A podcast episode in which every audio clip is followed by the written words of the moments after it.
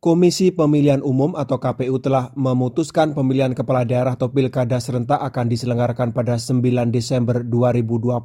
Karena masih di tengah ancaman penyebaran virus corona, KPU menerbitkan peraturan KPU nomor 6 tahun 2020. Peraturan ini keluar sebagai upaya penyesuaian penyelenggaraan pilkada dengan protokol kesehatan terkait pandemi corona. Namun mantan komisioner KPU Hadar Nafis Gumai menilai ada sejumlah hal yang masih harus dirinci terkait aturan pelaksanaan pilkada. Dia memberi contoh dibutuhkan panduan lebih jelas tentang bagaimana pemilih yang ketika waktu pemilihan tiba sedang menjadi pasien terkonfirmasi positif corona. Apakah mereka yang terpapar COVID akan dilayani, mereka itu didatangi ke rumahnya saat mereka sedang masih dalam isolasi mandiri atau bagaimana? Kalau memang mereka dibolehkan datang ke TPS, apakah itu akan diberikan tempat khusus yang terpisah dari yang lain. Penilaian itu disampaikan Hadar Nafis Gumai dalam diskusi daring mengenai Pilkada 2020 yang diselenggarakan Jaringan Demokrasi Indonesia atau JADI Sabtu 18 Juli. Diskusi ini diselenggarakan oleh Presidium JADI Daerah Istimewa Yogyakarta. Hadar sendiri setelah bertugas di KPU saat ini aktif di Presidium Nasional JADI. Pengamat politik dari Visipol Universitas Gajah Mada, Abdul Ghafar Karim, mengingatkan isu kesehatan menjadi penting dalam penyelenggaraan Pilkada 2020.